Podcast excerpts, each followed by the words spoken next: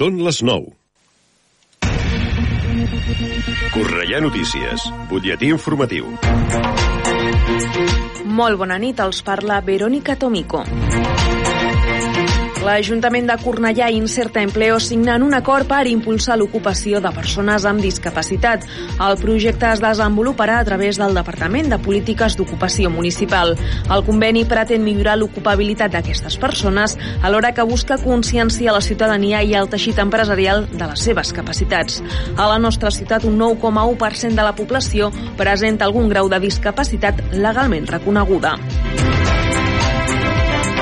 Les dones cobren una mitjana de 6.000 euros menys anuals que els homes i desenvolupant la mateixa feina. Aquesta és una dada del darrer informe de l'Observatori de Gènere Metropolità i constata que la bretxa digital se situa actualment en el 19,7% a l'àrea metropolitana de Barcelona. Les aules d'estudi de Cornellà tornen a obrir les seves portes incorporant novetats. El més important és que un altre cop les aules d'estudi tornen als equipaments habituals, és a dir, al Centre Municipal Joan García Nieto, a la Biblioteca Marta Mata i a la Biblioteca de Sant Ildefons.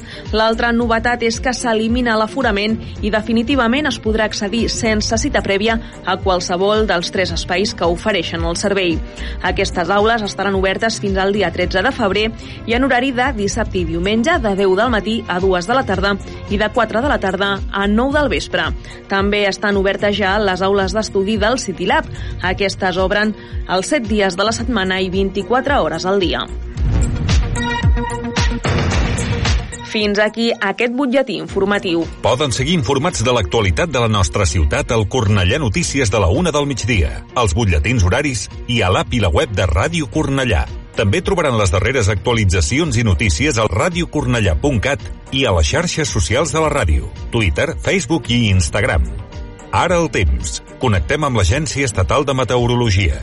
Bona nit. Demà divendres esperem a Catalunya una jornada amb pocs canvis a les temperatures o que baixaran lleugerament. Les mínimes seran d'un grau negatiu a Lleida, de dos positius a Girona, de 7 a Tarragona i de 8 a Barcelona, mentre que les màximes rondaran els 15 graus a Tarragona, els 14 a Girona i a Barcelona i els 11 a Lleida. Per la resta esperem de nou boires a la depressió central que podran ser extenses, persistents i localment gebradores i amb la visibilitat que es podrà reduir per sota dels 200 metres a la depressió central de Lleida i de Tarragona Tarragona durant el matí i també a últimes hores. I a partir del migdia tendiran a dissipar-se, tot i que es mantindran els núvols baixos. A la resta tindrem cels poc nuvolats o clars, amb intervals de núvols baixos a Tarragona i al litoral central i nord. Per últim, el vent serà del nord i del nord-est al litoral i en general serà fluix, mentre que la resta serà ben fluix i de direcció variable. És una informació de l'Agència Estatal de Meteorologia. L'informació de Cornellà. Més a prop, impossible. T'agrada aquest programa? Descarrega't ja l'aplicació gratuïta Ràdio Cornellà per iPhone i Android. El podràs escoltar, compartir i descarregar. Ara, ho tens més fàcil que mai. Gaudeix de Ràdio Cornellà quan vulguis al teu mòbil. Sintonitzes Ràdio Cornellà. Bona nit, són les 9 i un dijous més comença Atrapats a la Cultura.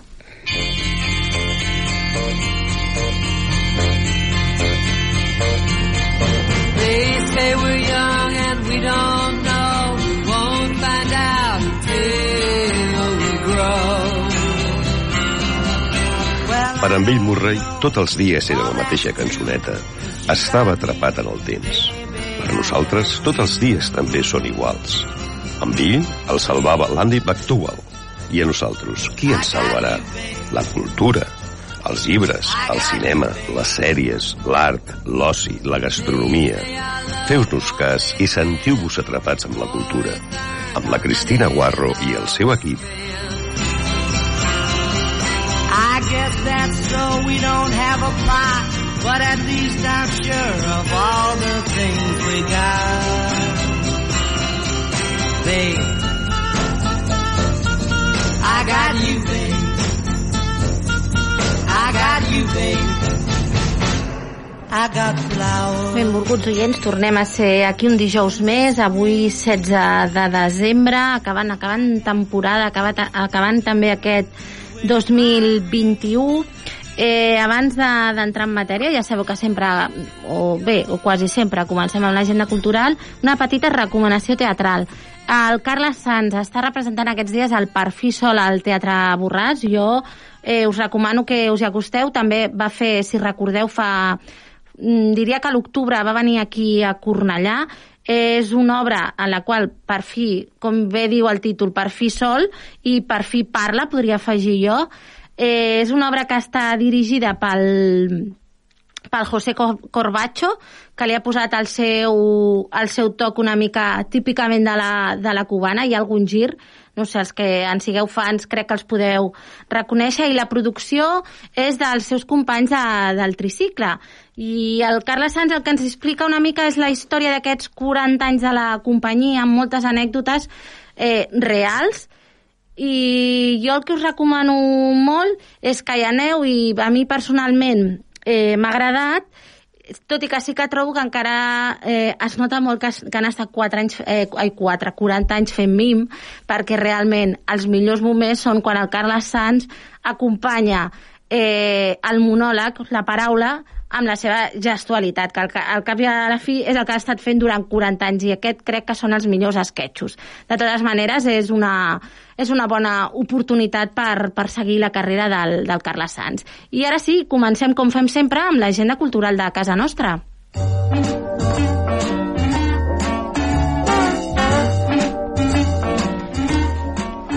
Demà, divendres di- 17 de desembre, a les 7 de la tarda, a la Biblioteca Central de Cornellà, l'escriptora cornellanenca Rosario Fernández Zúñiga presenta la seva última novel·la El efecto dominó. D'aquí una estona en sabrem més, ja que Fernández Zúñiga és la nostra entrevistada de la setmana. I ara una miqueta de música. També divendres 17 de desembre, a quarts de nou, eh, concert a la Sala Padró. Joan Garriga i el Mariachi Galàctic presenten el ball i el plany. En Garriga és fundador de Dus, Dus Minguet i ànima de la trova Kung Fu. És una figura clau per entendre l'evolució de la música popular del segle XXI feta a Catalunya, després de compondre i interpretar en directe la banda sonora dels dos últims espectacles teatrals d'Oriol Brogi, el codescobridor de la rúmbia, aquesta barreja de rumba i cúmbia en denominació d'origen ballesana, acaba de votar el seu nom amb un àlbum que apunta a un clàssic instantani. Gravat entre 2019 i 2020 i mesclat en ple confinament, el ball, el ball i el plany és un viatge apassionant per tots els mons que acaben a l'acordió de Joan Garriga, el Mediterrani de l'Havanera i el Raïm, el Carib llatí, la Jamaica del Rigui i el DAP i, evidentment, el nord de Mèxic que inspira la seva nova formació, acompanyat del seu fidel company de mil batalles, Maria Roc, al baix, el fogoner de la caldera rítmica, Rambo, al bateria, i el guitarrista Majid Faem, Manu Chao o l'Aventura, entre d'altres, el veritable hereu de Gato Pérez es consagra a l'Olimp de la fusió sense confusió.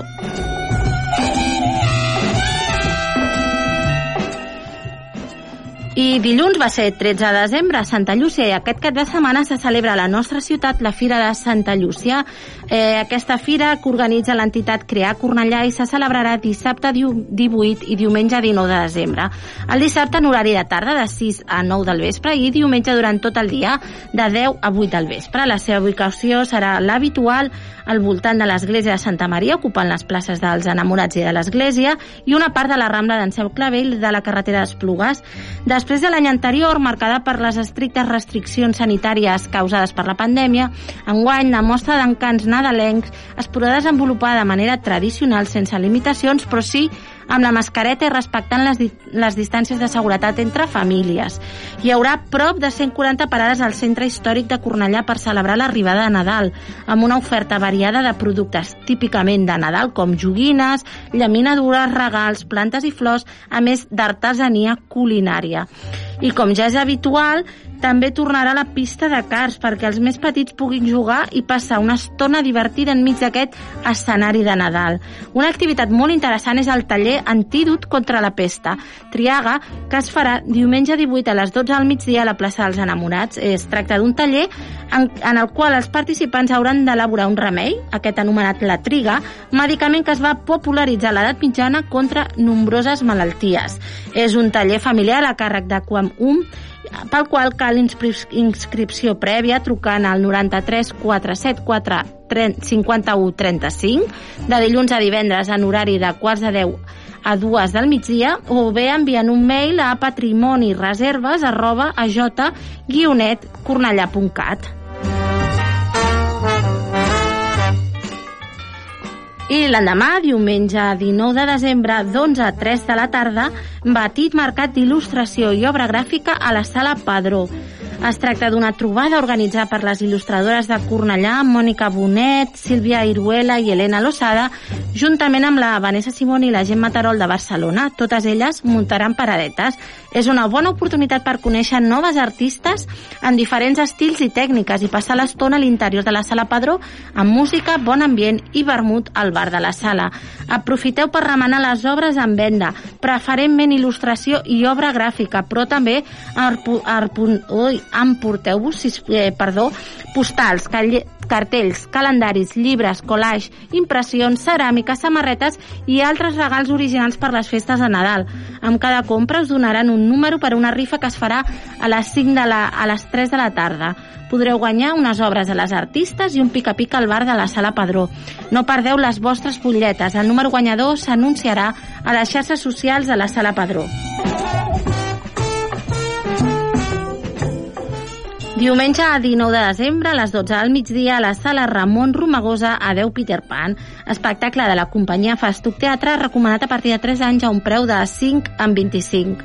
A la Maria, una nena amb molta imaginació, li encanten els contes, històries, aventures que li explica el seu avi amb qui passa totes les tardes jugant a ser Peter Pan.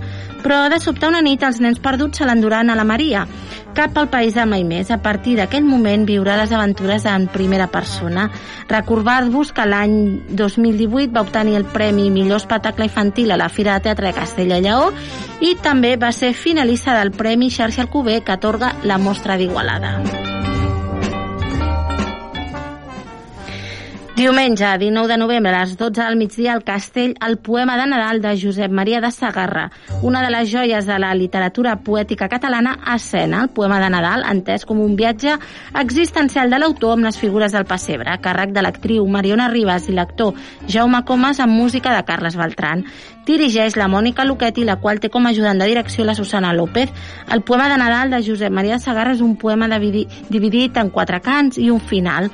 Sagarra va escriure aquest poema per encàrrec i ell mateix el va eh, recitar l'any 1930. Ens parla de la joia de Nadal, del misteri d'aquella nit, dels pastors i la cova, del pessebre, del bou i la mula, o bé de l'estel. Però Sagarra, com a autor de teatre, ens exposa un poema dramàtic, un poema per reflexionar, punyent i molt entenedor. No podem passar només de puntetes escoltant el poema, no ens podem quedar estranys davant el que ens diu i la manera com ens ho diu. Ens veiem obligats a prendre partit, a mirar el nostre interior, a preguntar-nos i almenys per una nit, com diu el poeta, a ser uns homes de bona voluntat. Durant una hora desgranarem, desgranarem tota la sensibilitat que sabem, per trobar la complicitat amb l'espectador, per transmetre tota la força, la tendresa i la realitat d'un poema de Nadal que després de 75 anys d'haver estat escrit encara continua vigent. Això és la recomanació que em fa la companyia. Es tracta d'una activitat gratuïta per la qual cal una inscripció prèvia trucant al telèfon 474 5135 en horari de dilluns a divendres de quarts de 10 a 2 del migdia o bé escrivint un correu electrònic a patrimonireserves arroba aj-cornellà.cat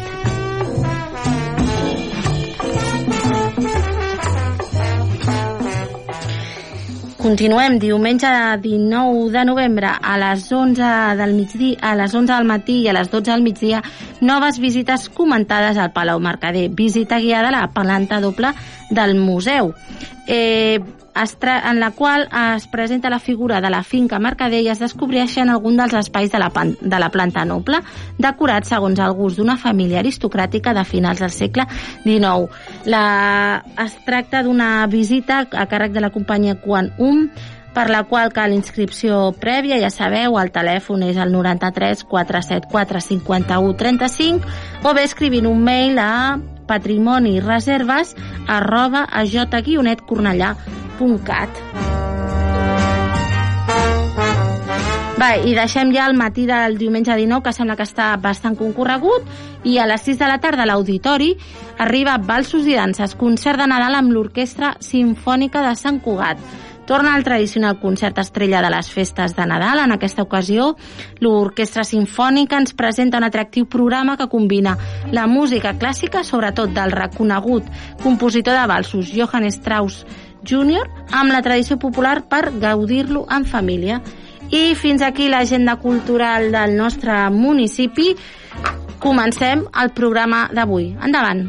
Queda't atrapat amb la cultura.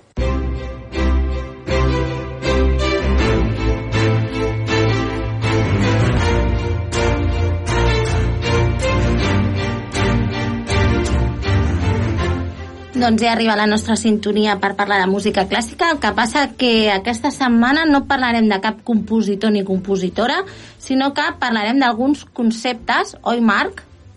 Bona nit, doncs sí, aquesta setmana parlarem d'un un concepte en concret, que és el, de, el del tempo. És a dir, el, quan diem tempo volem dir la, la velocitat en què s'ha d'interpretar una, una partitura. Però això no té res a veure amb la, amb la durada? No. No.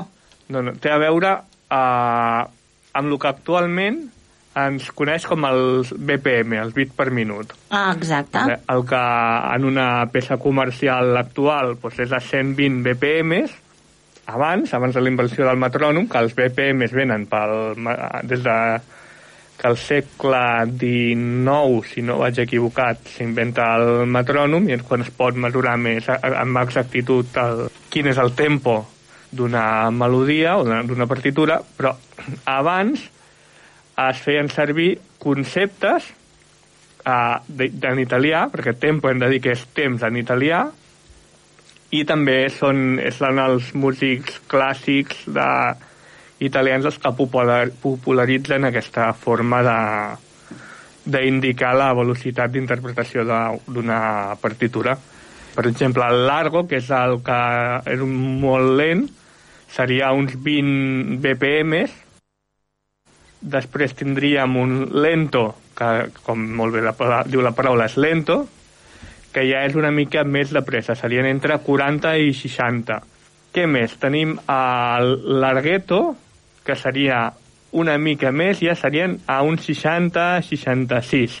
Un altre serà, aquest segur que tothom el coneix, si més no, perquè a, a, és una, a, forma part del títol d'una obra del Binoni, que és l'Adagio, que aquest ja és una miqueta més, més majestuós, podríem dir.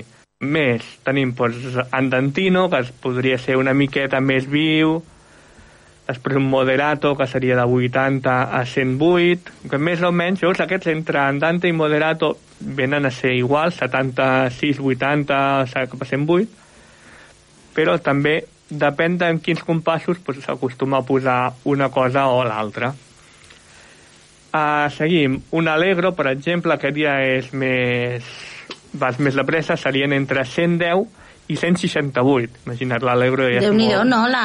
Sí, té molta, molta amplitud. Però clar, aquí teníem Allegro, Allegro Vivace, Allegro Manontropo, que és una de les coses que també, a part d'aquest adjectiu, a vegades s'hi afegeixen coses que després en direm un parell, de, més o menys que s'hi van afegint. I la, les més... les que serien un, en un tempo més esmimpit seria el, el Presto, que seria del 166 a 200, o vivacíssimo, prestíssimo, alegro, prestíssimo, però clar, ja, això ja, si, va, si vas posant... Això és molt italià, eh, d'anar a posar adjectius. Sí. I, bueno, expressions podríem estar dos programes parlant d'expressions, de, perquè també, veus, si vols dir que tornin al temps original és posar a tempo, o tempo primo, tempo primera, algo així. Després, i el, el, que, el que deia al principi, abans ja, ja avui posarem alguns exemples, però abans, abans de posar-los, el que et deia de que pots posar alegro i un altre segon adjectiu, doncs alegro sostenuto, alegro non tropo, que això els agrada molt, el non tropo, dius alegro, però... Però no... alto, no et passis, sí. Però, sí. Però, Para el carro. No t'emocioni. Sí, sí, sí. o poco a poco, allò per, a tempo di o tempo di vals, per exemple, que el vals és un tempo molt clàssic, o lo stesso tempo, per exemple, si, si ho posa una indicació a mitja partitura, alguna així. En fi, que més o menys és, és una indicació per anar que es posava per això, per ajustar, per ajudar l'intèrpret a... Bueno, acabar d'afinar, no? Una mica Sí. o què? Home, bàsicament perquè t'imagines un canon de Pachelbel a tem- tempo, jo que sé, un vivatge i queda com estrany. Sí, sí. O, o jo que sé, un Requiem de Mozart de 200 BPM, doncs com que no... no, no, jo crec que, hosti, per un requiem així massa, no? Podria semblar una, fins i tot una paròdia, no? La Sí. música així molt... Sí, alguna altra setmana ja ho tenia pensat, però alguna altra setmana ja portaré algun àudio Sí. que el posarem a, jo que sé, per exemple, a 60 o a 120. per Ah, mira, m'agrada, m'agrada la idea, m'agrada la idea. Això serà exactament el mateix àudio, però variat el tempo i ja veurem que una petita variació pot ser d'una cosa molt solemne a una cosa bastant còmica. Doncs mira, si et sembla, Sí, sentim una mica de música, no?, per veure aquests exemples. el que farem, si he portat cinc, cinc exemples, Molt bé. Que són sinfonies de Haydn. Ahà. Per exemple, començarem amb la, amb la 88, en sol, en sol, el segon moviment, que és un largo. Doncs,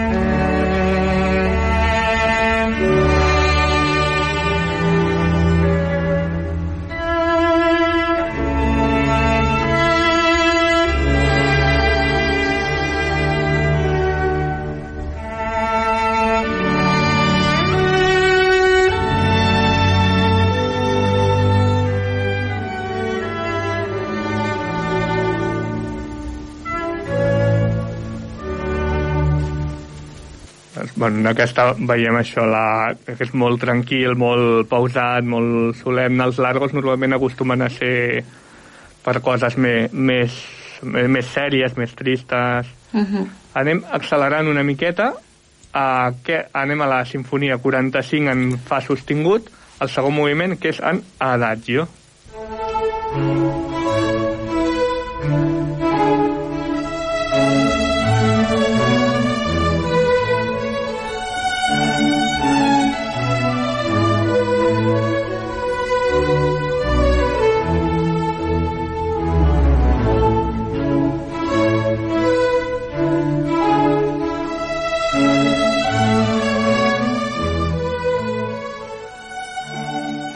ha una mica... Es nota, eh? Però es nota la, la diferència. Sí, uh, doncs aquest és... Bueno, ara, Sí, sí, no, no és gaire, o sigui, són... Però sí, sí, sí que es nota ja una sí, mica més. és de- d'uns 40 a uns 60, més o menys, però ja se, se li nota aquest puntet. Anem amb un, amb un andante, la sinfonia número 104, en, eh, el segon moviment d'això que és andante.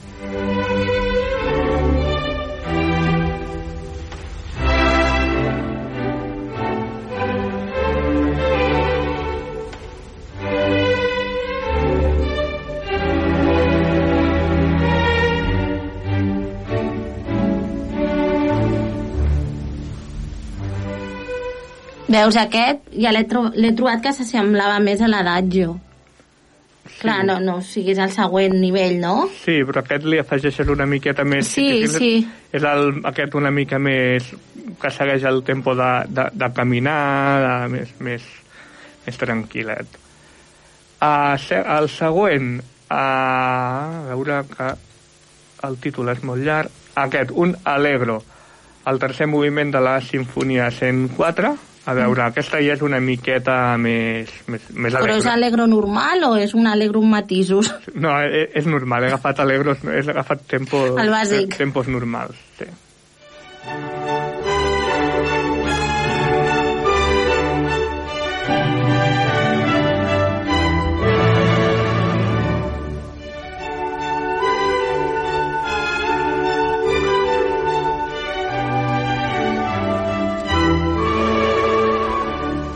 Bueno, aquí hem vist que era una miqueta més, més accelerat, tot i que no, no, no del tot encara, però aquí estaríem entre uns 110, 120 BPMs, i ja per acabar i deixarem un tros del quart moviment de la Sinfonia 45, que aquest ja és un presto, i ja li veurem una mica més de, de velocitat.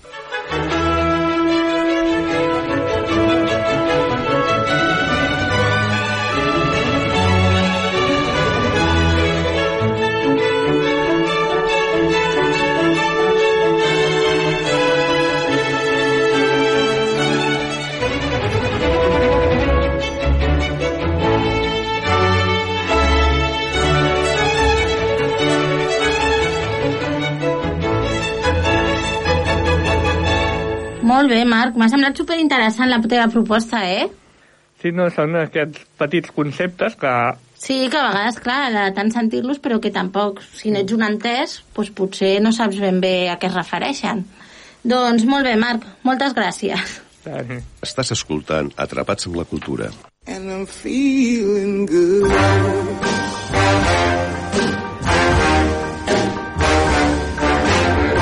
L'entrevista.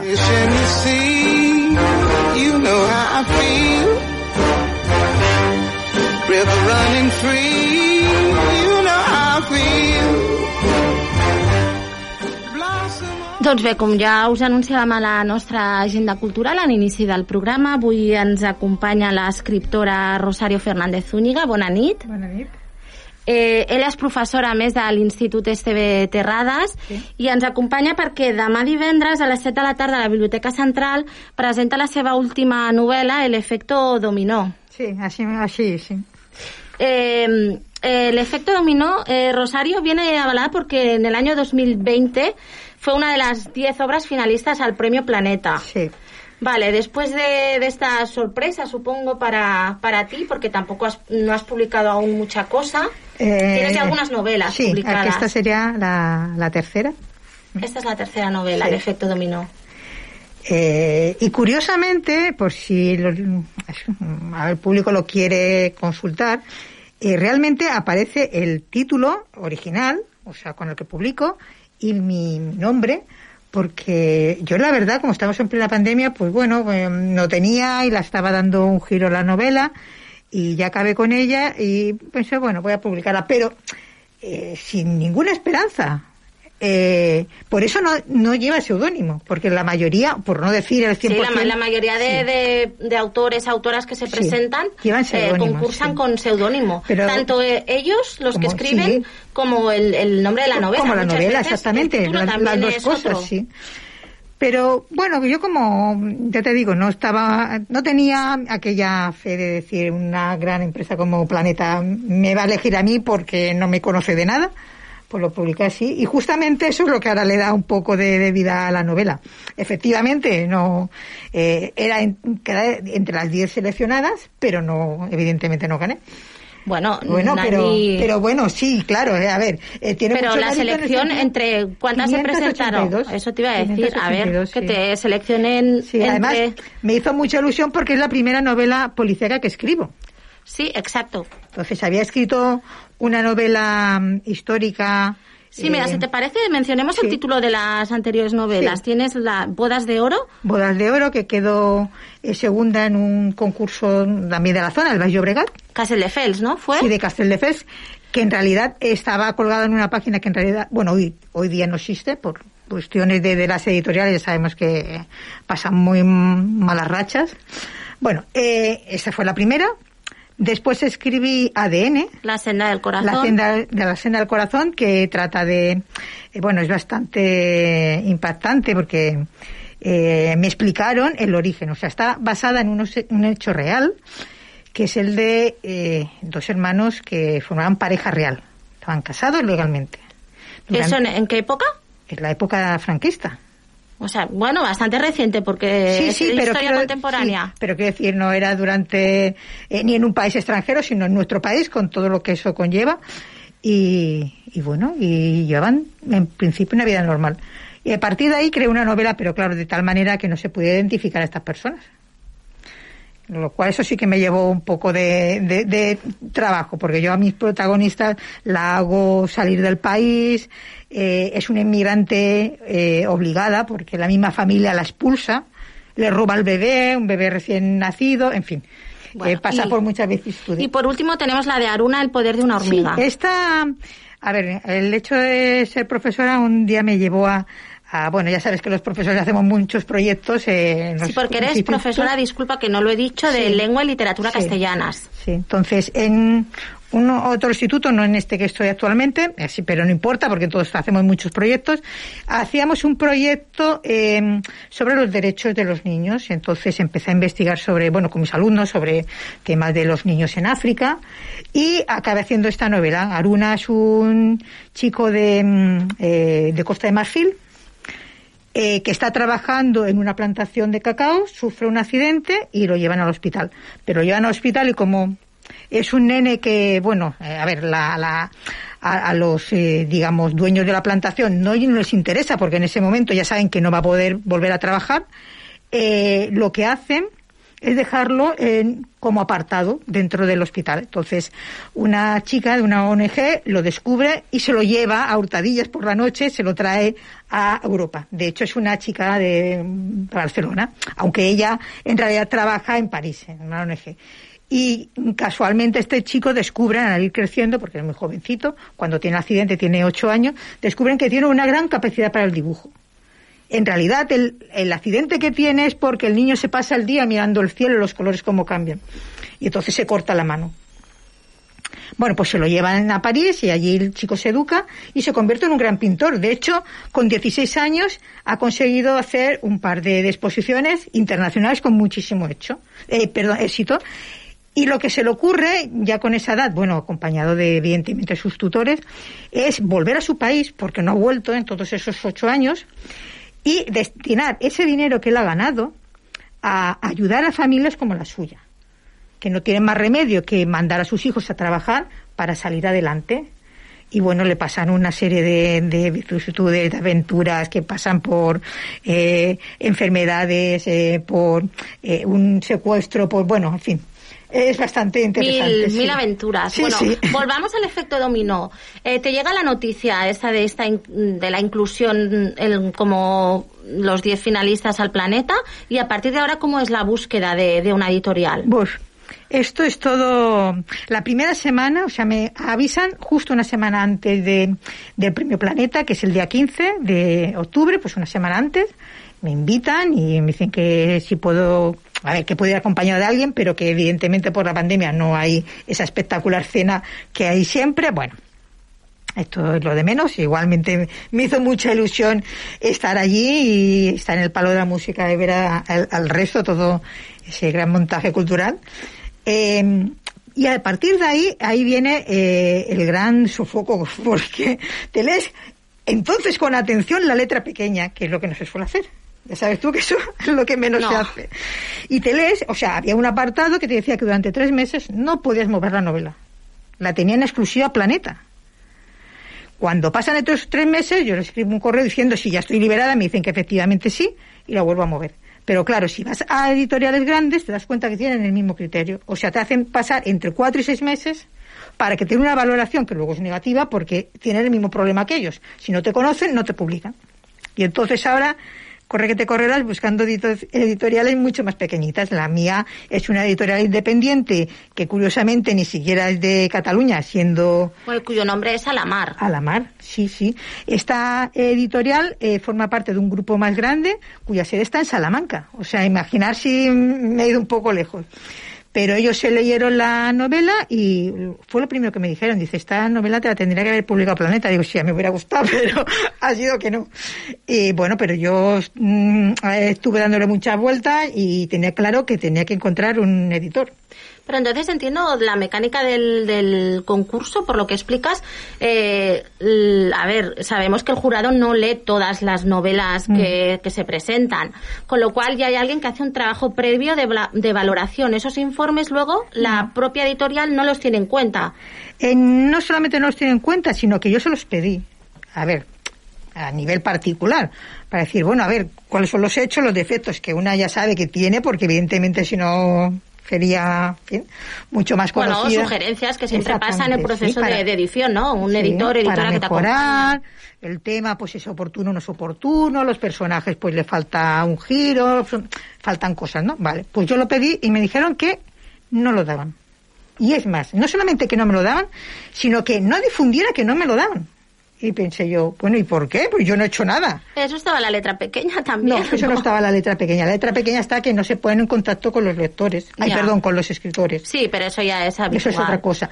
Y luego, claro, te enteras que estas grandes empresas, tanto Planeta como Random House, tienen otras filiales, por decirlo de alguna manera, que trabajan con ellos, no son ellos directamente, son otras empresas, que hacen eh, como el plan B, como cuando vamos a comprar al súper y tenemos el producto estrella de tal marca y la marca blanca, pues eso. Y luego te lo venden en, eh, diciendo, bueno, si me publicas con nosotros y tienen como tres estándares, el básico, el mediano y el estrella, pues si tú eliges el estrella nuestro, tienes la opción de que Planeta, si coges el modelo Planeta o Random House, te publiquen en uno de sus sellos editoriales. Bueno, eso es lo que dicen que igual que optas un año ganas el Nadal y en 5 o 10 años tienes el planeta, ¿no? Exactamente, es una como, según ellos, es una manera de irte metiendo dentro. Yo pensé, mira, mira, mira, si tengo que llegar, llego yo como cada día, entiéndeme.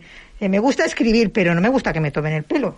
A mí, mm, no sé, igual considero, mm, otros escritores igual piensan que tonta, ¿no? Porque habiendo sido seleccionada, igual haces este plan B y en un par de años ya estás dentro del planeta. Pero a mí eh, soy un poco desconfiada y me da la sensación de que es más bien eh, otro montaje comercial más. Bueno, intereses creados. Ah, Hablemos un poco ya, entremos en materia. Sí. Este efecto dominó, si te parece, eh, mm, leo la sinopsis Sí. porque a mí siempre me ocurre con ese tipo de, de novelas, eh, me da mi- tengo un miedo atroz hacer algún spoiler, con lo cual me limito a leer A la sinopsis, tú luego si quieres añadir algo, lo añades y ahí vamos. Dice, Saida es una joven inmigrante marroquí que tras finalizar su carrera de psicología decide opositar para convertirse en policía autónoma y ser detective, lo que siempre había soñado. La destinan a su barrio y ella se siente satisfecha porque cree que es el lugar idóneo para aprender su oficio. Pero en su primer caso debe enfrentarse a un caso de infanticidio cerrado en falso en el que estuvo involucrada la familia de una compañera de instituto. Lo que más desconcierta a la detective es que la joven confiesa un crimen cometido 15 años atrás por el que fue acusado su padrastro, cuando la interrogan con relación a una denuncia interpuesta por su madre contra ella y cuya consecuencia es su ingreso en el hospital comarcal.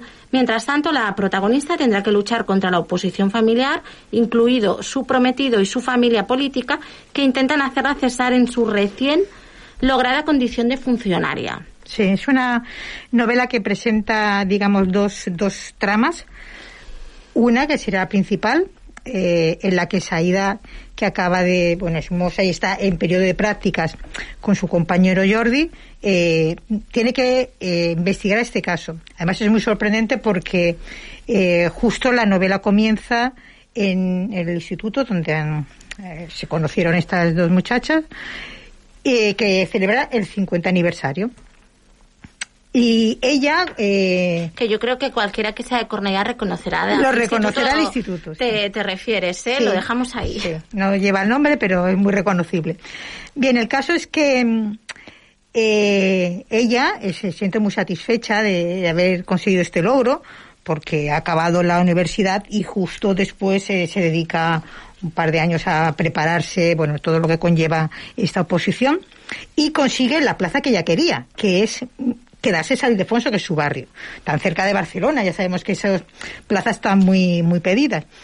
Eh, pero eh, eh, entonces, en ese momento, cuando habla con sus compañeros, le dice, bueno, sí, pero es que esto para mí está muy bien porque me va a permitir ir aprendiendo mi oficio poco a poco y además al lado de mi familia. Y le dice un compañero, a ver, Saida, tú tranquila, que problemas hay en todos sitios, no creas que nosotros somos perfectos. Y ella, entonces, porque esta novela combina, mm, hay, hay muchas reflexiones psicológicas, ella piensa, pues, a ver, ¿qué me voy a encontrar? Pues no sé, una pelea de, de pareja. Sí, rey, reyertas callejeras. Exactamente, eh, de- algún de bar. Exactamente, algún borracho de fin de semana, algún robo sin importancia, pero aquí no hay mala gente, y menos, dice, piensa ella, y menos entre conocidos. Aquí yo no conozco ningún conocido que sea problemático. Y justamente el primer caso es de una persona con la que ella ha pasado todo un curso escolar. Y de la que no guarda tampoco muy buen recuerdo. No guarda buen recuerdo, no. Eh, ese es el otro punto. Esta chica a la que tiene que investigar es, eh, pertenece a una familia eh, conflictiva. No porque sea mala gente, cuidado, esto eh, es una reflexión de la novela. No son eh, personas problemáticas, pero son eh, lo que hoy decimos disfuncionales. Por una cuestión que tampoco es involuntaria. Tiene la madre de, de, de Ainhoa, que es la otra chica que investiga. La, otra protagonista Sí, o sí, antagonista. la- sí, sí, bueno, ahora lo explicaré. Sí, Son sí. tres protagonistas, sí. Eh, la cuestión es que mm, involuntariamente tiene unos problemas en su vida que eh, quien irá a pagarlos es Ainhoa. Eh, mm, decimos que el efecto dominó es lo que se conoce ¿no? como un efecto arrastre, es una pieza cae y, y arrastra al resto de su caída. ¿Tú crees que el efecto dominó es Ainhoa? Eh, bueno, ella inicia este, este proceso, pero claro, eh, lo que sucede a su alrededor es que los demás van reconociendo sus errores. La culpa es eh, uno de los grandes temas de esta obra. Entonces, eh, los familiares, bueno, la gente que, que está a su entorno y reconoce qué es lo que han hecho mal, eh, caen, literalmente caen. Ya verán ustedes, no digo más. Sí, es lo que pasa, ¿no? Con este tipo de, Sí. de géneros. Y ahí hablabas que la culpa es el, el gran tema de la novela, Mm. pero como ocurre siempre en el, en el thriller o en la novela negra, eh, siempre hay crítica social. Sí. Y en ese caso un poco, no sé si, bueno, el arribismo, la ostentación, materialismo, Eh, hay algunas, no sé. Bueno, materialismo le podían culpar a Ainhoa más tarde. Eh, de hecho, cuando se produce el caso, a quien eh, investigan por si ha sido esa la cuestión es a la madre de Ainhoa, no a la, pro- a la propia Ainhoa. Ya la veréis por qué. Ainhoa pasa totalmente desapercibida en ese momento. El problema, eh, eh, a ver, sí, podría haber sido eso uno de los casos, que hubiera sido la madre por interés, pero claro, entonces hubiera sido mm, Sí, bueno, no es tanto por el interés, yo me refería quizá más a que a lo único a lo que aspiran es a lo material. No. Que ponen un poco, ¿no? No, ¿Valoran, una- no? aquí eh, el problema es eh, encaja más en todo el aspecto la, educación, pero dentro de la familia y en que eh, en algunos momentos incluso con la mejor de las voluntades lo que se hace es perjudicar a las personas. Es lo que le pasa a Ainhoa. Ainhoa eh, está durante mucho tiempo obsesionada con una familia para ella perfecta, la que ha de postal con varios hermanos, una familia maravillosa. Cuando está a punto de que se le cumpla este deseo, le pasa algo, ya veréis qué. Y entonces se decepciona tanto que eh, le nace una ira terrible. Y se venga. Y ella, claro, es el inicio de todo este efecto dominó, pero después aparece, o sea, el resto de, adultos que la acompañan y se dan cuenta de qué ha sucedido y por qué ha sucedido, eh, lo lamentan de tal manera que no son capaces de verbalizarlo, simplemente ya veréis lo que va sucediendo. Bueno, es que es difícil, ¿eh? Asumirlo. Pues por eso mismo eh, está la novela eh, organizada. A ver, es difícil asumirlo, pero hay personas eh, que son capaces de verbalizarlo y no llegar a los extremos, por ejemplo, de esta familia. Claro, a mí me interesaba hacerlo para ver, eh, incluso en el mejor de los casos, porque ya cuando ven, las personas lo lean verán que la familia no es especialmente problemática. No, no. ¿Eh? Lo que le sucede es que ha tenido muy mala suerte y no han sabido gestionar. No han sabido gestionar lo que hoy se dice los conflictos. Entonces, cuando estalla, estalla en una persona que todavía es inmadura y como aún menos sabe eh, tratarlos, la única manera que tiene es, es vengarse. Claro, porque ella se siente superada. Exactamente, ella se siente superada, frustrada, engañada por todos.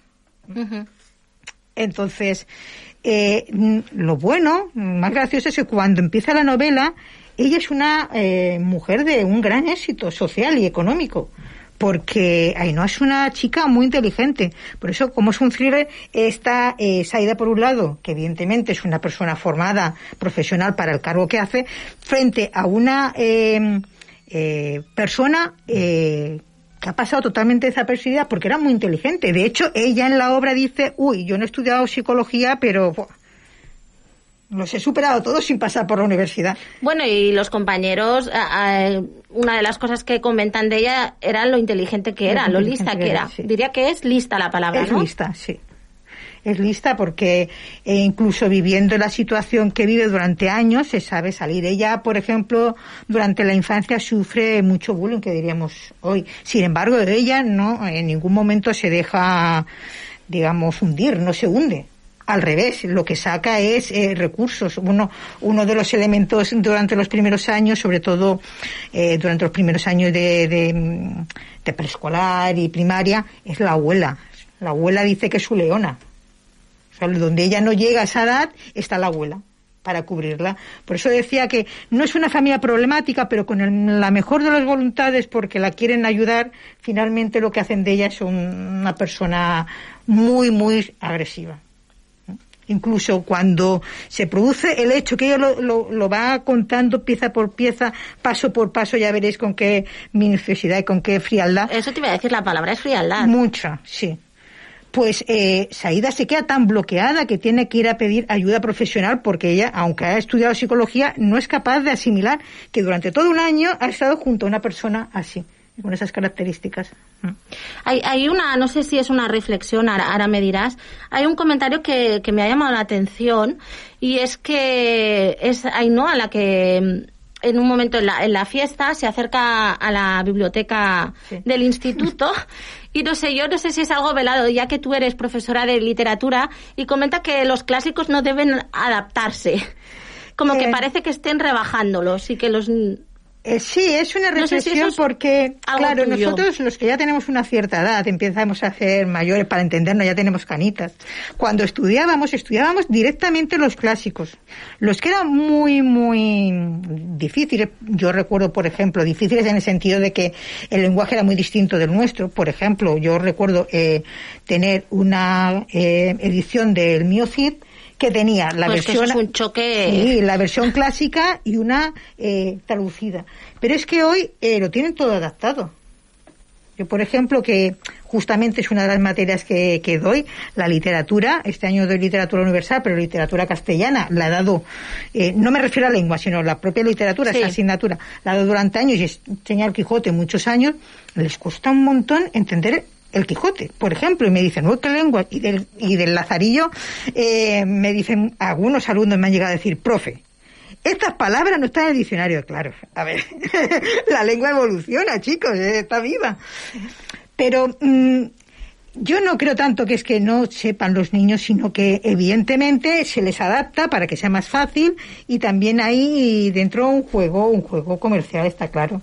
Bueno, pero, profe, eh, catedráticas como Rosa Navarro ha hecho unas adaptaciones Sí, muy maravillosas. bonitas, sí, O sea, sí, son sí. espectaculares. Sí, es cierto que ella las ha hecho dirigidas, que en tu caso te diferencia, porque tú estás con adolescentes. Las suyas son ya para niños más pequeños. Más pequeños, sí. Y Sí. son realmente fabulosas. Son, a ver, es una manera de acercarse a los clásicos y que empiecen a, a amarlo. Pero cuando ya llegan a ciertos niveles de bachillerato, eh, ya deberían, ya deberían, como mínimo, eh, no mirarse un clásico como si fuera una cosa rara, porque perdón, excepto los alumnos que ya optan por la línea eh, social eh, lingüística, eh, los que son tecnológicos, etcétera, a veces te dicen, pero profe, ¿y esto para qué sirve? Digo, pues mira, para tener cultura como mínimo.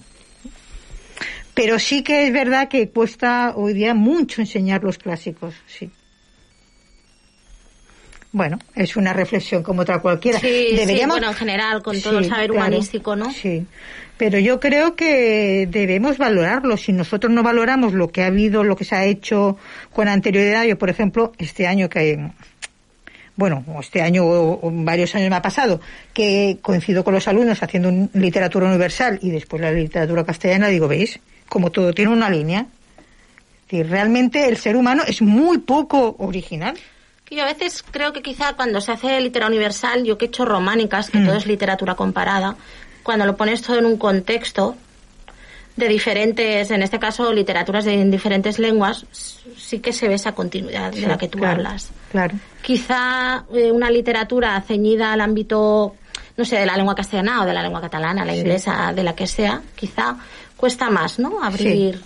Cuesta más, por ver. ejemplo, claro, ahora mismo que aún es- estábamos saliendo de la literatura medieval, eh, decían, ay, pero si hacen lo mismo, claro.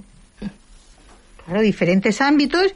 eh, a ver, sobre todo en la Edad Media, que es un periodo muy largo, que las cosas evolucionan de una manera muy lenta, pues es muy fácil ver eh, las similitudes. Eh, hoy día es diferente, ¿no? porque las modas ya sabemos que, que van evolucionan con mucha rapidez. Sí, sí, ahora todo es, ¿no? Bueno, de hecho, a- algunos críticos creo que sostienen que aún estamos en el romanticismo. Bueno, el romanticismo es que es un movimiento que ha dejado tantas secuelas. Por ejemplo, yo ahora, ahora, o mismo... romanticismo, Sí, quizá un poco, sí, pero sí. aún en la época Claro. Eh, por ejemplo, en autores que, eh, que ahora estaban leyendo mis alumnos las, los poemas obligatorios para las PAU, estaban leyendo, uno de ellos les tocó explicar Cernuda. Y Cernuda es un autor del 27, pero que tiene, eh, claro, eh, mucho pozo romántico, muchísimo. Entonces, bueno, eh, para eso está la tradición y la cultura. Si tú desconoces a los románticos, te encuentras con un autor como este y no sabes valorarlo. Porque, claro, y aparte, uno de los, mm, bueno, el poema que tienen ellos que estudiar obligatorio, y aparte, precisamente, de un poema de Becker. Claro, si previamente no lo conocen, no lo pueden valorar. Eh, eso nos pasa muchas veces. mm, estudiamos con mucha celeridad y a veces eso nos hace que la, la- nuestros aprendizajes sean como muy muy llanos, ¿no? Bueno, un poco parece que sea acumular, ¿no? Exactamente, acumular, no realmente no, no profundizas y se pierden cosas. Bueno, lo bueno es que el que es buen lector, el que es buen lector y ha aprendido o mm, se le ha sabido despertar a esa semillita con el tiempo, puede volver. Eso es lo realmente interesante. Sí. Bueno, sí, eh, sigamos eh, aquí con el efecto dominó. Eh, el punto de vista del narrador. Hay como...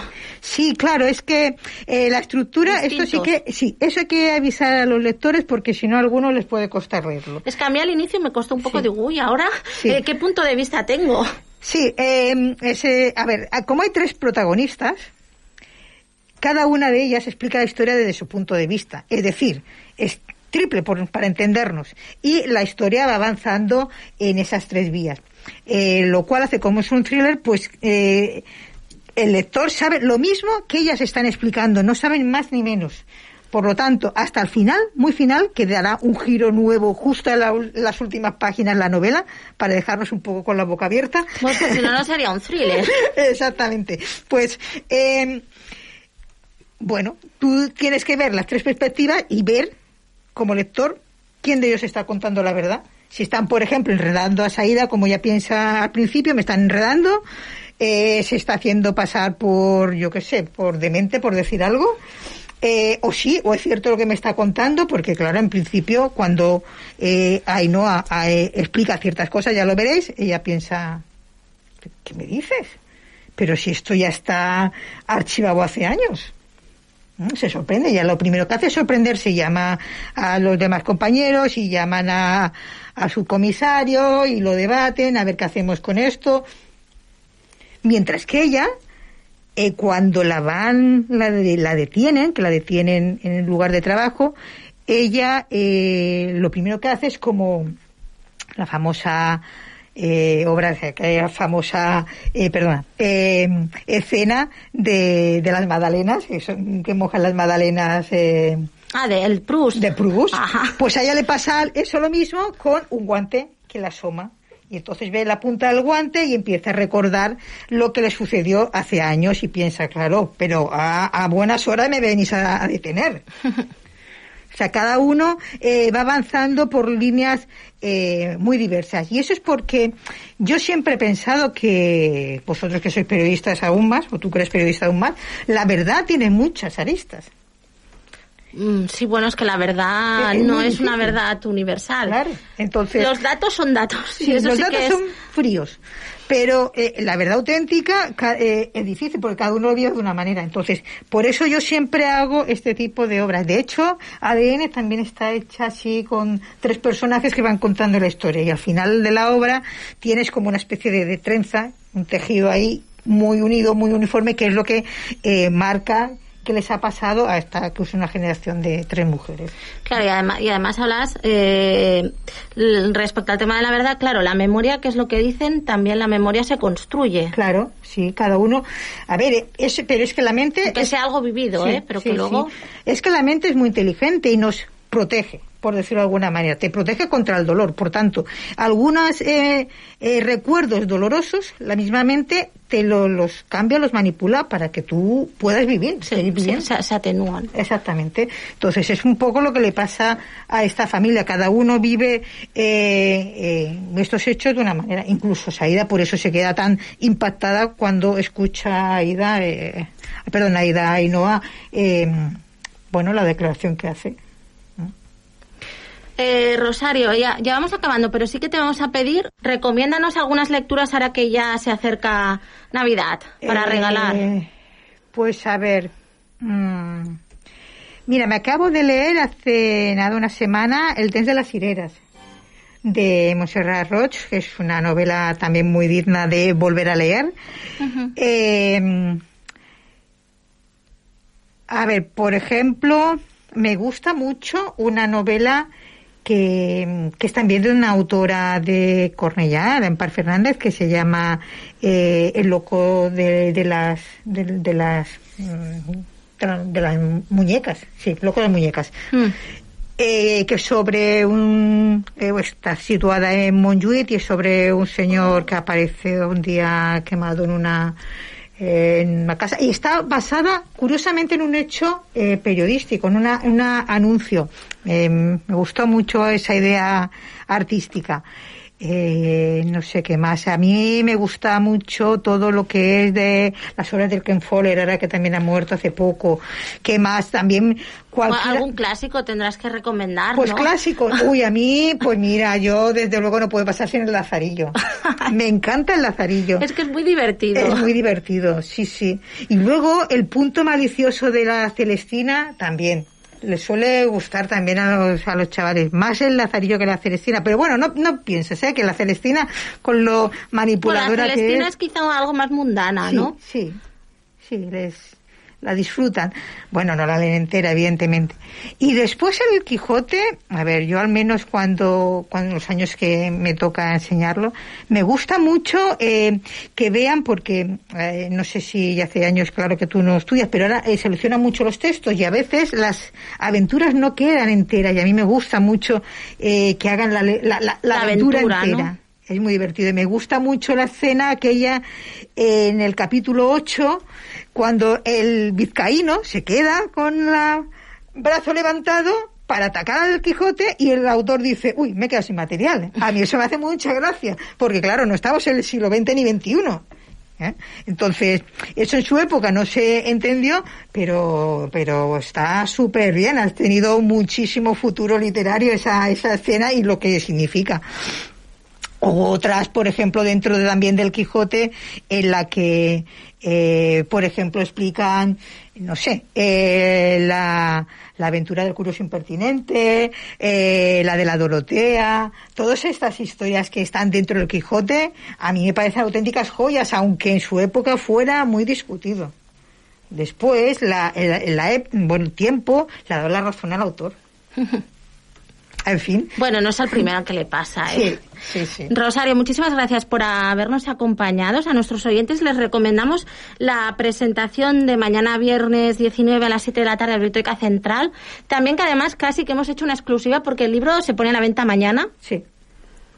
O sea que mucha suerte mañana y a ver cómo, cómo van estas fiestas en lib- las Espero- librerías. sí, espero que les guste, porque lo que no he dicho es que eh, yo tengo pensado hacer una serie. De hecho, ya está, yo ya tengo hecha la segunda. Ah, pero ya está concluida.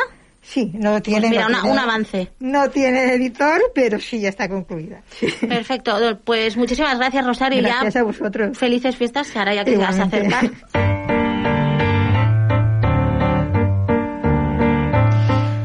Bé, ja sabeu, són el nostre estimadíssim Paulo Conte, i això vol dir que el programa ja se'ns acaba el temps. Bona nit, Marc Fort. Ai, ai, ai, ai, que té el micro silenciat. No és possible? Bona nit, ara sí. Va, molt bé. Eh, ha estat un plaer acompanyar-vos durant aquesta hora. Nosaltres tornem la setmana que ve, últim programa de l'any, amb un programa, valgui la redundància, super, super interessant. It's wonderful, it's wonderful. I dream of you. Chips, chips. Da ti do di do, chi boom, chi boom boom. Da ti do di do, chi boom, chi boom boom.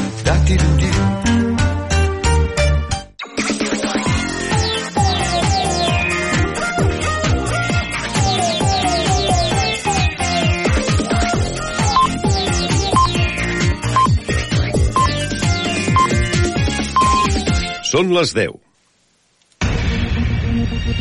Correia Notícies, butlletí informatiu.